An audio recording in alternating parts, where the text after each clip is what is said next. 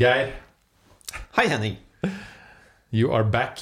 Jeg er tilbake, og dette for eh, tredje gang, faktisk. Ja, det er tredje gang, ja. Det er det. Folk har spurt om du kan komme tilbake. Å ja, så kult. Mm. Ja, nei, jeg syns det er veldig veldig koselig å være her. Så Nå er jeg på veldig mye forskjellige sånne, alt fra podkaster til intervjuer til alt mulig. Og det er jo klart at dette her er høydalen, altså. Det er det. Ja, ja, det er ikke noe Det er konge. Dette er bra. I dag har vi jo en uh, viktig ting å snakke om. Ja. Spesielt i den tiden vi lever i akkurat nå. Mm. Hva er det? Det er å øh, gjøre den ene tingen. Altså den summen du, du kan snakke om veldig mye sånn verktøy man kan eh, bruke, og det er veldig mange gode tips der ute. Og du har veldig mye på din podkast, folk som kommer og gir øh, av seg selv. Og, og man kan bygge en verktøykasse. Pass på ditt når du gjør det, pass på å spise riktig, pass på riktig mental innstilling. Det er veldig mye man kan gjøre. ikke sant? Men under alt det der så finnes det et veldig enkelt prinsipp som folk egentlig tar litt for gitt. Og som de bare Ja, ja, ja, dette er opplagt. Og når jeg sier det nå, så blir det sånn Ja, ja, dette er opplagt. Og det er å bare i livet gjøre det som hjelper, og ikke gjøre det som ikke hjelper. Mm. Og for å ta det hele veien, Å bare gjøre det som hjelper. ja, og ikke gjøre det som ikke hjelper. Og særlig det siste, å ikke gjøre det som ikke hjelper, der svikter nesten alle. Ja. Undertegnede inkludert. Hvorfor tror du vi svikter, da? Jo, ehm, det er fordi man, man For det første så unnskylder man veldig mye av det man gjør, som at det er naturlig. Og la meg gi deg noen eksempler på dette her. For jeg skal ta historien tilbake. Eh, Ca. 18 år, når Niklas, som nå er 21, min eldste sønn, han var da tre år gammel. Og så er det tre historier med han som på en måte beskriver dette her, og som gjør det litt sånn virkelig for folk. Og det ene er den gangen hvor jeg kjørte som en gal ned til en eh, en plass hvor jeg skulle holde et foredrag, og Niklas skulle være med, for han hadde ikke noen barnevakt. Og han sitter i forsetet, og det skal man ikke gjøre når man er 3,5 år gammel, men på en litt sånn opphøyd babyaktig stol. Men hadde jeg blitt stoppet av politiet, så hadde det vært bot. ikke sant? Og så raser jeg nedover, fordi jeg var for sent ute. 18 minutter for sent. Telefonen var gått tom for strøm, og jeg hadde ikke noen mulighet til å si ifra. Jeg måtte kjøre som en gærning for å rekke de 14 menneskene som satt som tente lys og ventet på meg nede i sentrum. Så jeg kjørte ned, tok eh, opp fra Tåsen, og alle røde lysa nedover. I 40-sonen lå jeg sikkert i 70 km i timen. Hysj, ikke si det til noen. Og så sitter Niklas i forsetet og ser pappa kjøre som en rabiat gærning. Ja, ja. Og så kommer jeg hele veien ned til Youngstorget, og så skal jeg til å parkere i nærheten der, og så står det altså tre biler og venter på grønt lys. Og De står på grønt lys og venter. Og nå har jeg tatt alle de røde lysa, og jeg legger meg på hornet da, og trykker på. ikke sant?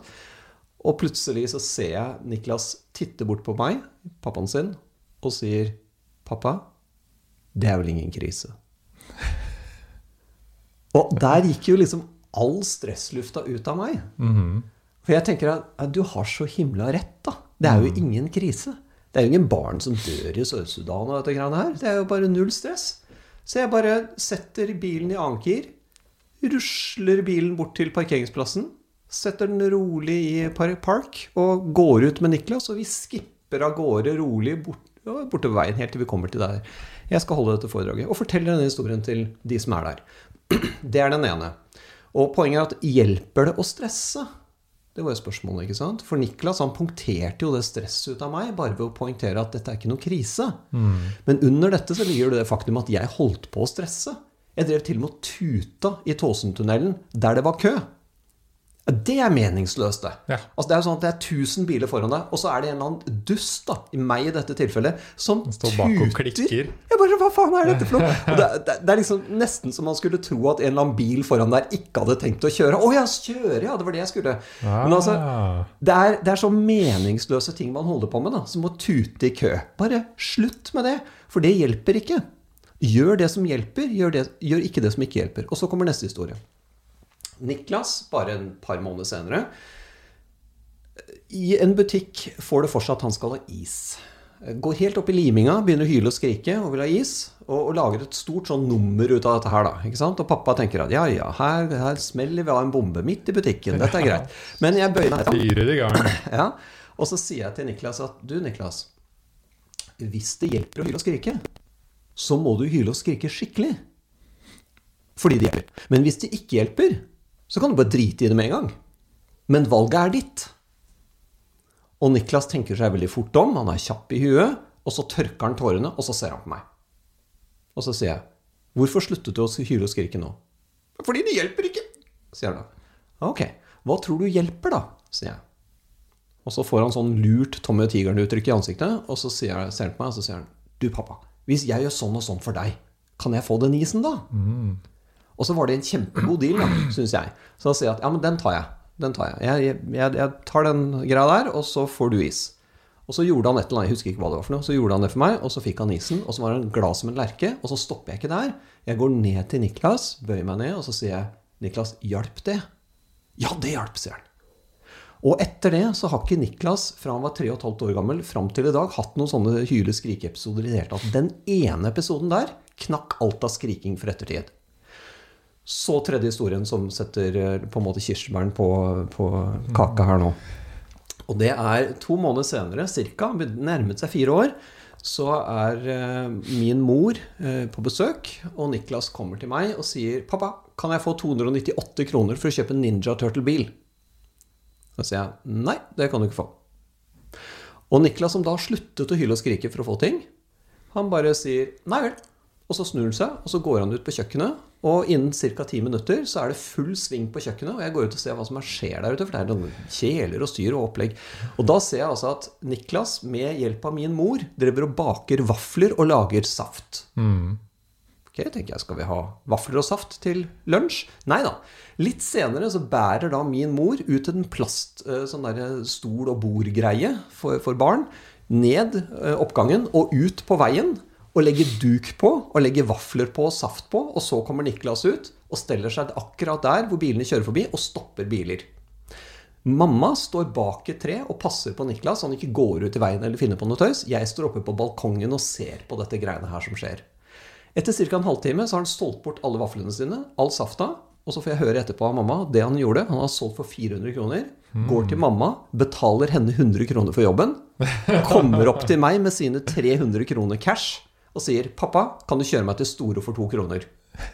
Og jeg sier ja, det vil jeg veldig gjerne gjøre. Jeg kjører absolutt til Storo for to kroner. Og da eh, fikk han den Ninja Turtle-bilen. Og her kommer da poenget mitt. da. Det er at han lærte å gjøre det som hjelper, og slutte å gjøre det som ikke hjelper. Og det er klart at noen ganger så kan det hjelpe å hyle og skrike.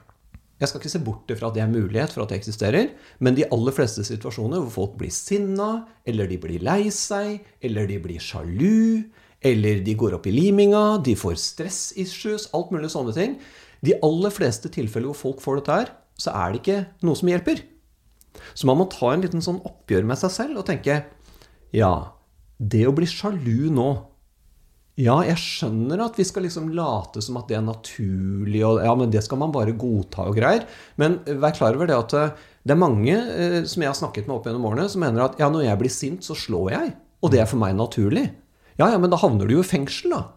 Ikke sant? Altså, det, det, er ikke, det er ikke snakk om at vi skal godta alt som folk mener er naturlig. Og det neste er at i enkelte kulturer så er visse ting naturlig, og i andre kulturer så er det ulovlig, og du havner i fengsel. Nettopp. Så du er nødt til å ikke ta utgangspunkt i hva folk mener er naturlig, men hva som faktisk hjelper. Så den derre Ja, ja, men det er jo naturlig å bli sint. Eh, ja vel. Men det, okay. det driter jeg jo i, for det spørsmålet er om det hjelper eller ikke. Så når jeg coacher folk, så coacher jeg folk ut ifra Hjelper det du nå holder på med? Hjelper det å bekymre seg over det der? Hjelper det å bli et aspeløv når du går inn i, i flyet? For så å være livredd for at det faller Altså, Du kan ikke gjøre noe med det likevel. Faller det ned, så faller det ned. Så jeg tenker, det er utrolig mye rart vi gjør, da. Og særlig dette med sjalusi, eller bli lei seg, eller bli sinna, eller alle disse følelsene. Så er det sånn Du har en drittsituasjon hjemme, og den er, den er i seg selv ganske kjip, og så legger du til dritt ved å bli sinna. Det er veldig vanlig. Er- Det er veldig smart, da, Ja, ikke sant? Altså, ungen er i oppløsning, kona er i oppløsning, hunden bjeffer, og alt er bare møkk. Og så skal du bli sinna i tillegg. Dæven! Ikke sant? Mm. Så det jeg vil oppfordre folk som hører på dette til, er å gå i seg selv og tenke Hjelper dette egentlig, det jeg holder på med? Og så bare ta en liten stopp, da. Pust litt. Grann. Trekk pusten fem ganger. Bare Hjelper nå dette? Og veldig ofte er svaret nei. Det Man gjør det kan ikke. også tenke på situasjonen man har hatt, og spørre seg selv hjalp det Nemlig. at jeg ble sur. Nemlig. For det trenger ikke å skje nå. Nei. Det kan ha skjedd før. Og det kan være enda bedre enn det du sier der. fordi når man er i situasjonen, så er man så oppskjørta at det er helt tatt vanskelig å trekke pust eller tenke eller noe som helst. Men i hvert fall etterpå, da.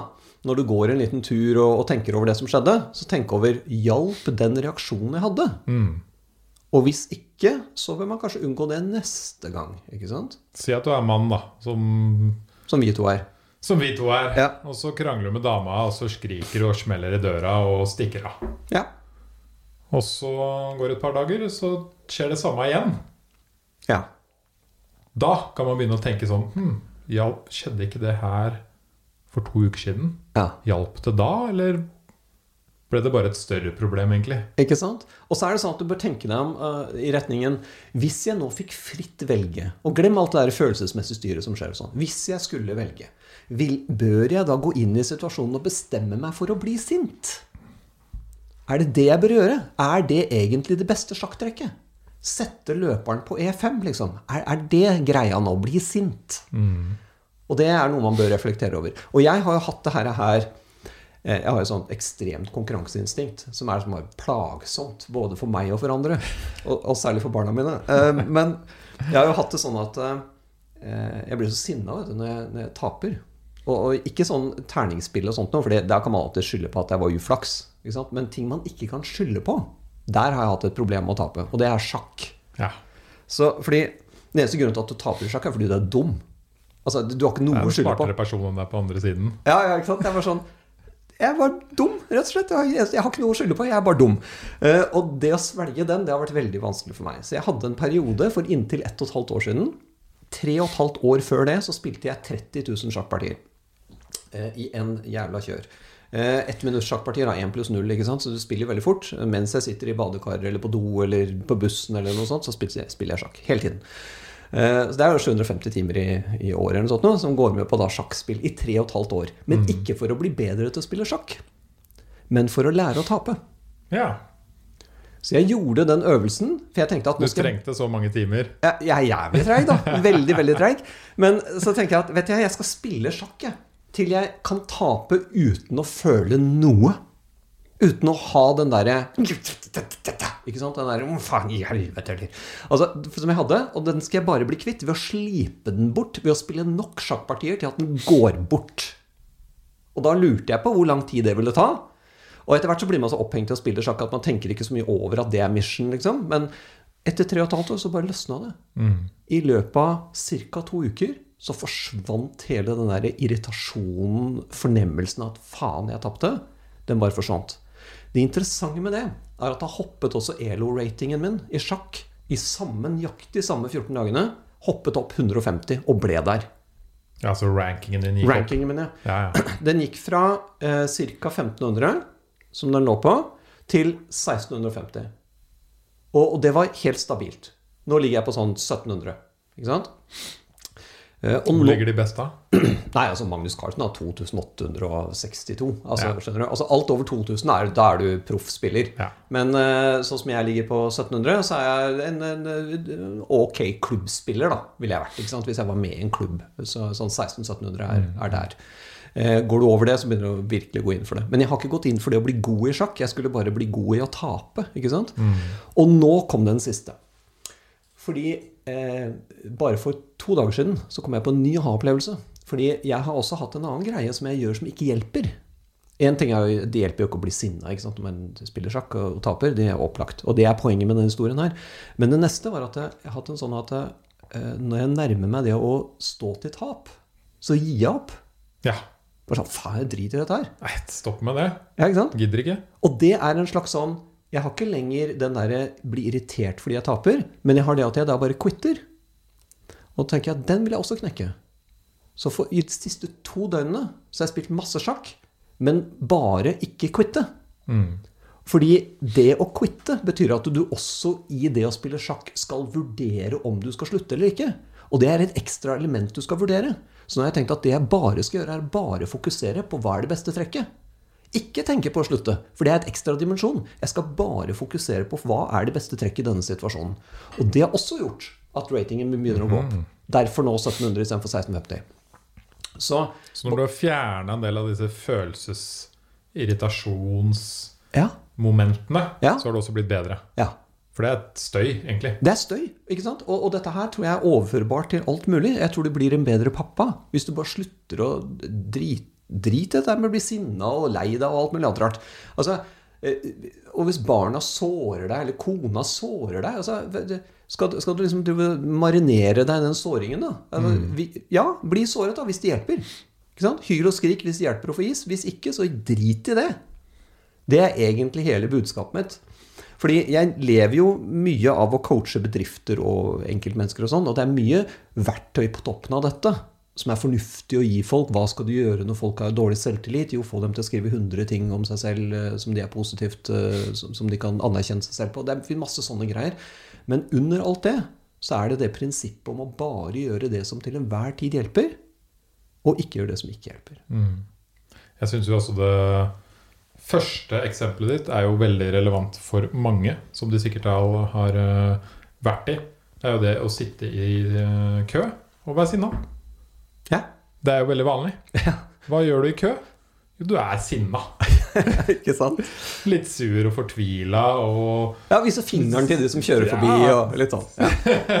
Som om den fingeren hjelper noen. Ja. Altså, Det ene er at det hjelper ikke deg, og det hjelper ikke han, og det hjelper ingen andre i verden heller. Ikke sant? Så, så, det er ganske rart. Og det, den kontrasten der er ganske interessant. Jeg var jo i India i, uh, i 2004. Og var da uh, Jeg kjørte ikke selv, men jeg satt på med noen som kjørte i Hyderabad og i Delhi. Og det er to angivelig verste byene i hele India når det ja. gjelder trafikk. Og, og der er driver jo happy-tuter. I Norge så er det, kan du ta deg faen på at hvis noen tuter på deg, så er det fordi de er sinna.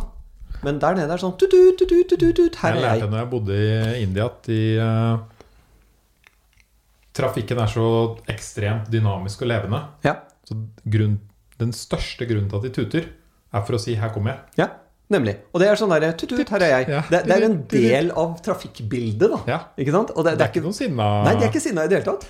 Tuter i Norge, så klikker jo folk. Ja, da kan de stoppe bilen og gå ut og bare sånn Ja, ja.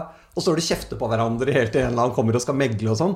Men uh, i India så har de liksom de, de, har skjønt den dynamikken, og det skjer så mye endring at du, du, har, du kan liksom ikke putte sinne inn i trafikken. Da, går, da krasjer du jo, ikke sant? For du, du, kan ikke få noen distraksjoner der. Du må ha en sjette sans for å kjøre i India. Så ja.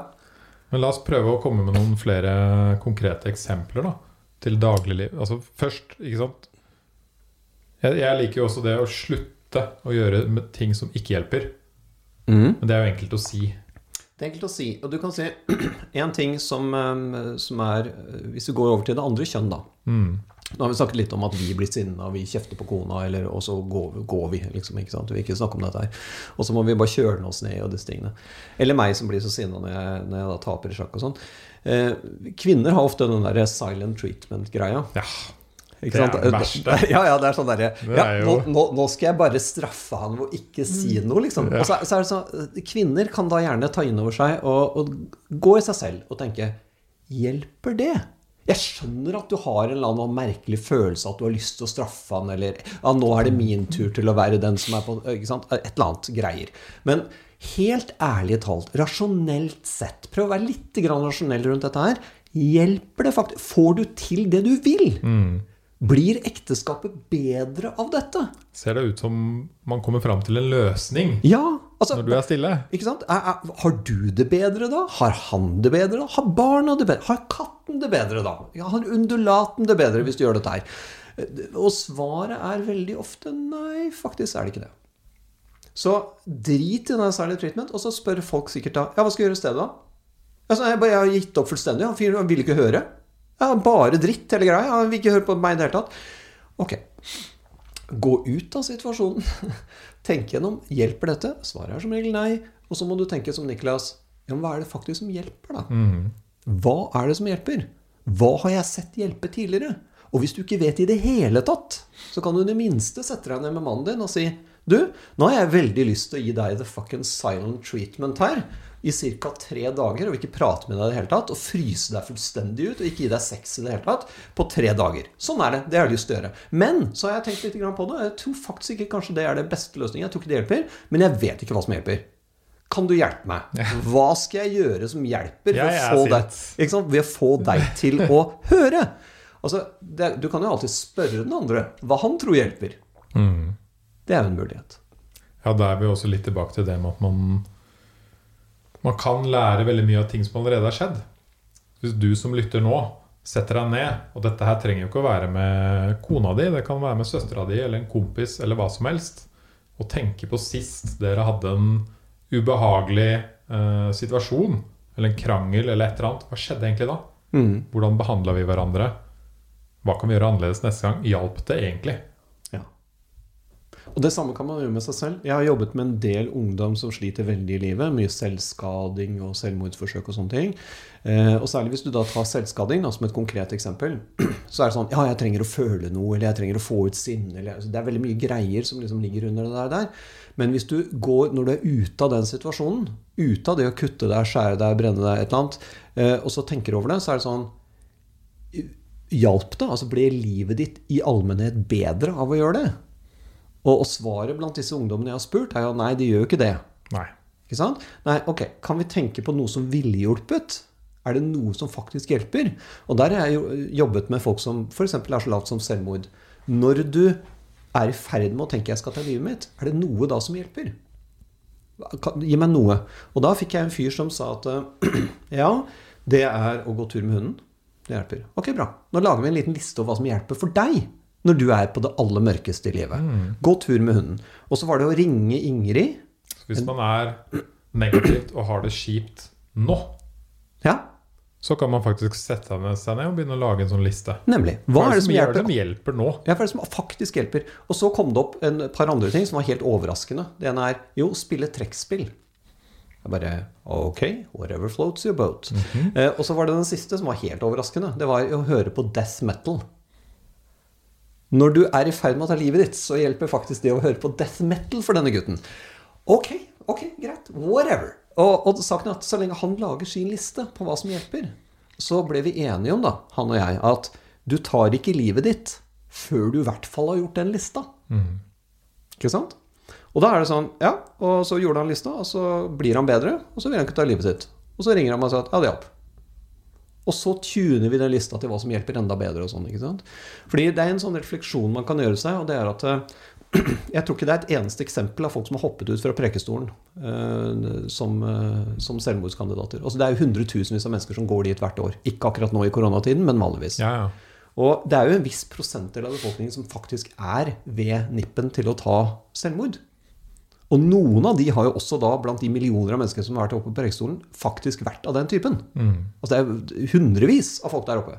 Og det å hoppe ut derfra, det er jo det enkleste. Da er du sikker på å dø.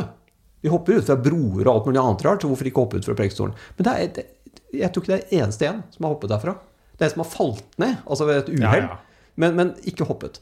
Og da er spørsmålet hvorfor ikke det. Og en av teoriene som jeg da har hørt, er at det, det tar så lang tid å gå dit.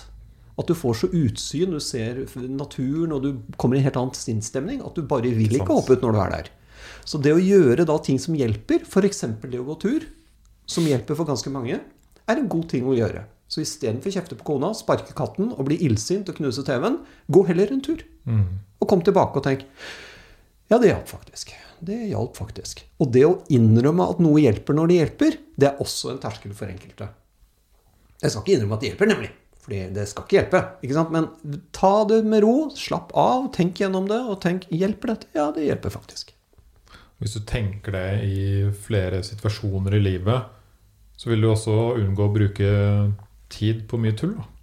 Ja, Og du slipper å reparere det faktum at du ødela TV-en. Mm. Altså, ja, må i til Elkjøp, og så må du lyve om garanti, og så er det masse annet styr som skjer, og så får du dårlig samvittighet. Altså, det er så mye sånn etterfølgende skit som skjer når du først legger på møkk på situasjonen. Så det å bare slutte med å lage ekstra jobb for deg selv, er jo en ting. Det er det. Men altså En annen ting som slår meg her, da som mange tenker nå, er sånn Ja, kul historie. Jeg skal eh, begynne å gjøre det som hjelper, og slutte å gjøre det som ikke hjelper. Lett å si. Ja, veldig lett å si. Veldig lett å si. Og så lager jeg den lista nå. ja. Ja, jeg skal begynne å, å trene. Da hjelper det ikke at jeg sitter i sofaen, og det hjelper det ikke at jeg gjør, sitter og røyker hver kveld, og det hjelper ikke at jeg står opp klokka ti hver dag. Men det hjelper med disse fem tingene her. ja.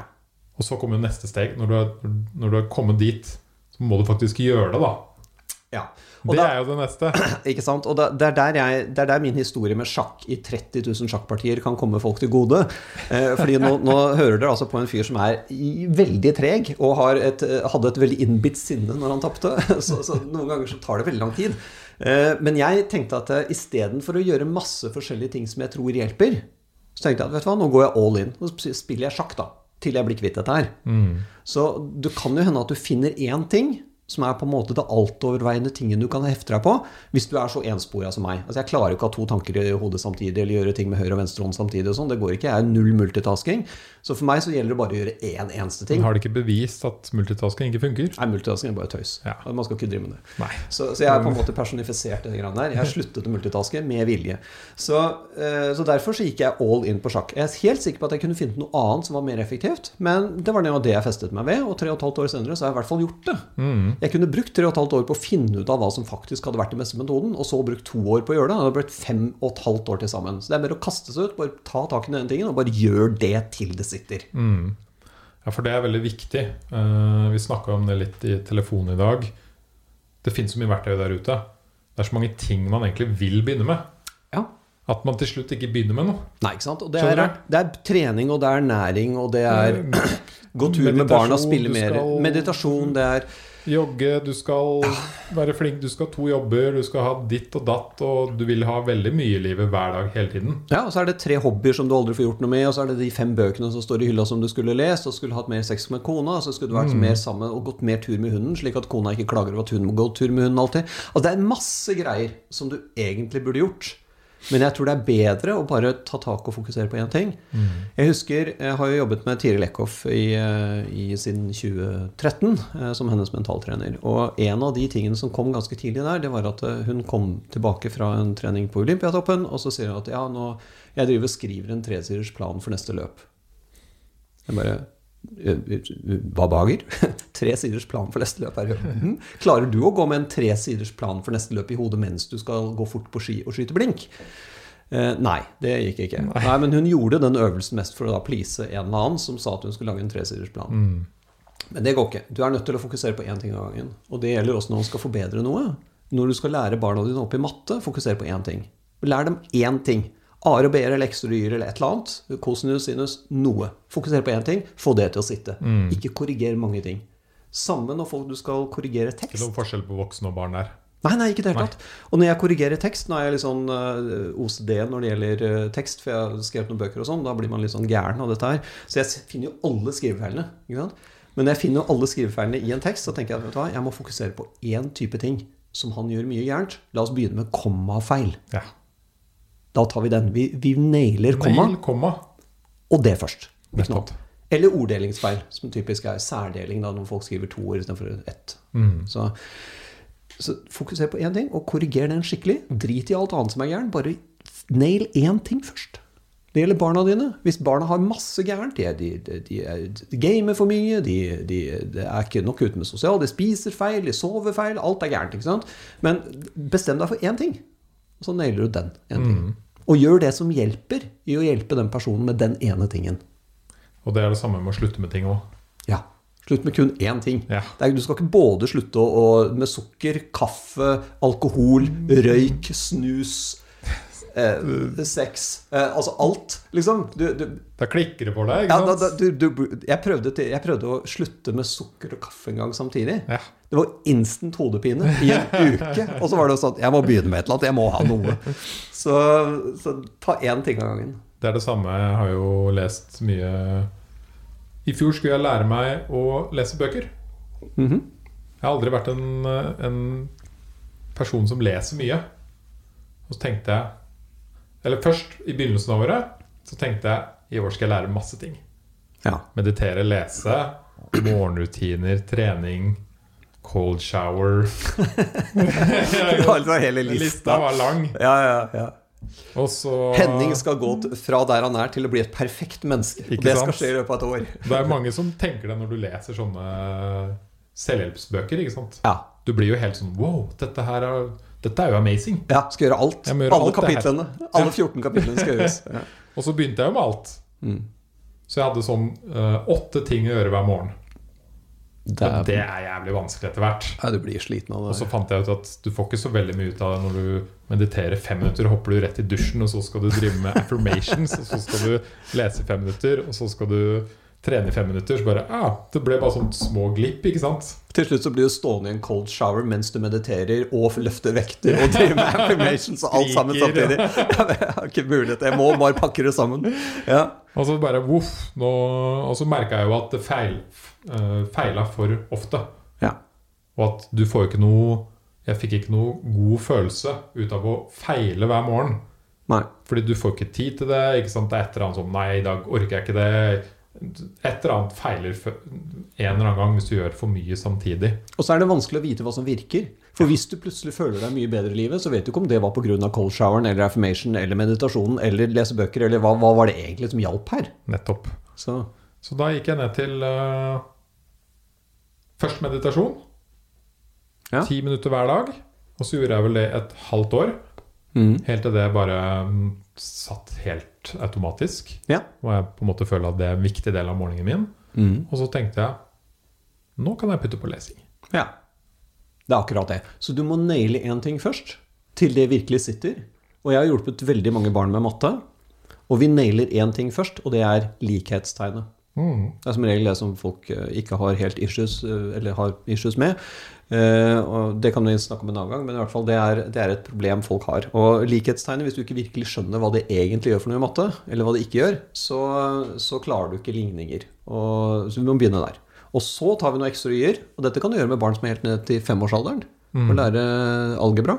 Ja, Og så bygger du på. Men du må naile ting totalt før du går videre. Ikke sant? Du kan ikke liksom Ja, nå er det Bli mester. ja, du må bli mester. Du kan Ja. ikke bare sånn sånn, Ja, det er passe greit, og nå hopper vi videre. For da kan du misse et eller annet. Og hvis du misser noe under der, så er det som å bygge et hus med litt sånn dårlig grunnmur, og så bygger du mer og mer på, til slutt så revner det. Mm. Så du må ha solid bygging hele veien. Jeg har en eh, annen ting som jeg tror er utrolig viktig å tenke over i dag. Og det er å slutte med tanker som ikke hjelper deg. Vi mennesker har så mye tanker i hodet, Mm. og veldig ofte så tar det mye plass. Og gjør folk stressa og slite. Eh, noen eksempler. Hva tenker sjefen min om meg i dag? Mm. Tenker du masse på det? Hva tenker folk om meg i det møtet? Tenker du masse på det? Hva tenkte han jeg møtte forrige uke, når jeg var litt sliten? Så tenker man masse på det. Ja. Blir hodet fylt i masse sånne ting. Og ikke minst bekymringer, da. Og bekymringer. Og sånn type tenke på hva kommer til å skje når jeg nå endelig skal stå på scenen og, og snakke om et eller annet jeg ikke har så stålkontroll på. Jeg kommer sikkert til å drite meg ut osv. Og, så og så Mm. etter at man har gått av scenen, så tenker man hva tenkte de egentlig om meg? Og så har du da både tenke På foran og tenke etterpå osv. Ikke sant? Eller på date. Ja. Hvordan gikk egentlig den? Hva tenker du med? Man tenker så mye at man eh, blir bekymra, man blir stressa. Det tar plass i hjernen for egentlig ting som ikke hjelper deg. Ikke sant? På noen Jeg, jeg, jeg hadde en, en kvinnelig utøver på, på skilandslaget eh, som jeg drev og coachet. Um, og hun hadde en sånn veldig uvane å tenke enorme konsekvenstrær når hun gikk på ski. Mm. La oss ta en tremil, da. Da er det mye tid til å tenke på, vet du. Og så gikk hun da og tenkte ja, hva hvis, eh, hva hvis Therese Johaug gjør det, og hva hvis Justina Kowalczyk gjør det, osv. Og, så videre, og sånn. Eh, og, og hele tiden tenkte massevis av konsekvenser utover hele løpet. Og så sier jeg til henne at eh, ok, så mens du går og tenker på alle disse tingene her, kan det hende at teknikken din svikter noen få prosent? Fordi du ikke er helt mentalt til stede? Ja, han kunne innrømme at det kanskje var tilfellet. Ok. Hvor stor del av det du tenker på som konsekvenser, skjer faktisk? Nei, veldig ofte så skjer det noe helt annet enn noe av det jeg har tenkt på. Ok, Så du har altså laget deg et konsekvenstrær som ikke engang ikke, ikke engang 0,1 treffer noen ganger. Ja, det stemmer. Interessant. Man andre jo helt bortkasta. Det er ikke engang en planlegging for noe som kan skje, det er planlegging for ting som ikke kan skje i det hele tatt. Så hadde det ikke da kanskje vært bedre å bli flinkere til å improvisere enn å bli flinkere til å planlegge mens du egentlig skal gå på ski? Ikke sant? Fordi det du gjør mye av, det blir du god på. Hvis du blir god på å planlegge, så blir du god på, eller gjør mye planlegging, så blir du god på å planlegge. Hvis du er, trener på å være til stede, så blir du god på å være til stede. Hvis du går mye på ski, så blir du god på å gå på ski. Men hvis du gjør alt sammen, sammen samtidig, så blir du ikke god på en av tingene. Og i dette tilfellet så skulle hun ha en individuell medalje i OL. ikke sant? Og det, det kommer vi til. Men da måtte vi fjerne det konsekvenstreet. Vi må fjerne all den tankevirksomheten, det spinnet som skjedde i Ja, for det tok plass, ikke sant? det- det Igjen, plass. det er støy, da. Det er støy. det er støy, Alt Mm. bare støy hele tiden. Så alle mulige unødvendige følelser er støy. Unødvendige tanker og bekymringer er støy. Unødvendig stress er støy. Unødvendig anger er støy. Det må angre på ting. Altså, Det er jo virkelig meningsløst. Altså, Skulle vi inne på noe som er totalt ja, meningsløst, så er det å angre. angre på ting. Ja. Altså, Du kan ikke endre fortiden. Og der har vi jobbet mye med Tiril på det. Ikke fordi hun har gått mye og angra på ting, men, men alle idrettsutøvere har det der at ja, så går man inn i det som skjedde, og så blir man veldig opptatt av faen, jeg tapte, og jeg kom på fjerdeplass, eller et eller annet. Og heller da gå inn på hva er den ene tingen som vi kan lære av det løpet? Hva er den ene tingen vi kan lære av det at du tryna fullstendig liksom, i et, eh, på oppløpssida? Jo, vi skal gjøre sånn og sånn neste gang. Bra. Da har vi lært den tingen. Da parkerer vi løpet. Da er det borte. Mm. Da mener jeg da er det borte. Da fins ikke løpet lenger i hodet ditt. Du skal ikke tenke på det, du skal ikke angre på det, du skal ikke noe som helst. Ferdig med den. Så det er en ting man kan jobbe med også. Og når man kommer ut av en situasjon, istedenfor å tenke på alt mulig rart man burde gjort annerledes, finn den ene tingen du kan gjøre. Hvis du er på en date, du har fucka opp hele daten, og så tenker du at ja, jeg var utrolig dårlig, ja, alt var bare gærent. Nei, ikke Da alt. kan, du, da kan folk tenke på det en uke, ikke sant? Ikke sant? Og da er det bedre å tenke Ok, jeg må lære, jeg må trekke ut én lærdom. Kun én ting som jeg kan gjøre bedre neste gang. Ikke lære ting som du ikke kan endre på. Det er bare teit. Men lære ting som du kan endre på. Hva bør jeg gjøre på neste date som er annerledes den ene tingen som er viktigst? Og så lærer du det, og så gjør du det bedre neste date. Og når du har naila den tingen. Nei, og når du har naila den tingen, da kan du tenke på neste ting. Mm. Men én ting av gangen. Og da lærte jeg triks her om dagen. To triks. Fordi det er jo lett å si at man ikke skal tenke på det. Ikke sant? Ja. Men jeg så på to forskjellige videoer, da. Det første var ehm, en person som hadde vært sånn dørselger. Og når han var 16, det første sjefen hans lærte han, var eh, hvis noen er skikkelig frekke og sinna med deg og får deg til å føle deg skikkelig dritt, ok, da kan du være sur og fortvila, men maks fem minutter. Ja. Og så, Du kan ta tida på fem minutter, Ja. og så legger du bort den tanken. Og så Ja. går du videre. Men du får lov til å ha det i fem minutter. Det er helt greit. Ja. Og den syns jeg var veldig fin. Fordi hvis du da sitter og tenker på den daten så jævlig mye, eller Mm. den personen du har gjort det med, eller det sjefen din sa, eller det du gjorde i et møte, eller når du skal på scenen, hva som helst Det tar veldig mye plass i hjernen din. Så kan du tenke Ok, jeg klarer ikke å legge det bort med en gang, men nå skal jeg tenke ordentlig på det i fem minutter, og så er jeg ferdig. Ja, og hvis du da i de fem minuttene tenker på det, også med det formålet å trekke ut den ene tingen du kan forbedre, Nettopp. så er det lettere å slippe det. Mm. For da har du fått noe ut av den tenkingen. Da har, du, da har du gjort en tenking, en fem minutter, som hjelper noe. Fordi du har hatt en læring at ok, neste gang skal jeg stille flere spørsmål til dama. For jeg endte opp med å prate masse om meg selv framfor å stille spørsmål til henne. Ok, bra, jeg skal stille flere spørsmål. Huske, huske. Stille flere spørsmål. Greit. Og så går du inn i Få det inn. Få ja, inn. Få den inn, ikke sant? Og så slipper du den etter fem minutter. Du har tima deg, og alarmen går og greier. Bra. Nå har jeg lært det. Da må vi fokusere på neste date. Hva er det som hjelper nå? Jo, neste på Tinder. Ja, og så kjører du på. Og så lærer du. Så henger du deg ikke opp i alt det som har skjedd. Som du sier, du kan ikke endre fortiden. Nei. Nei. Du kan lære, og lære kun én ting. Det er tipset. Mm. Lær én ting av gangen. Hm. Det er det jeg jobber med når jeg jobber med toppidrettsutøvere, og også artister på scenen. Lære den ene tingen ut av den totalt fiasko-konserten du hadde i Spektrum. Hva er den ene tingen du kan lære?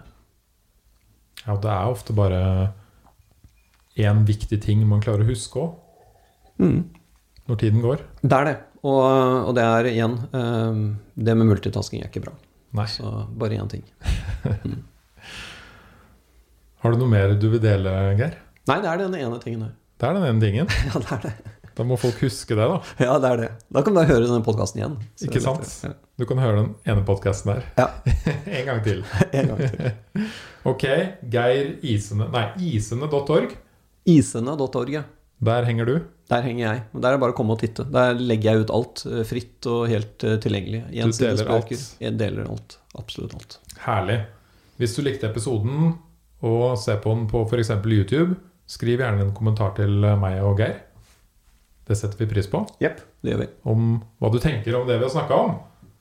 Og gjerne litt erfaringer du selv har i forhold til eh, det å jobbe med én ting av gangen, f.eks.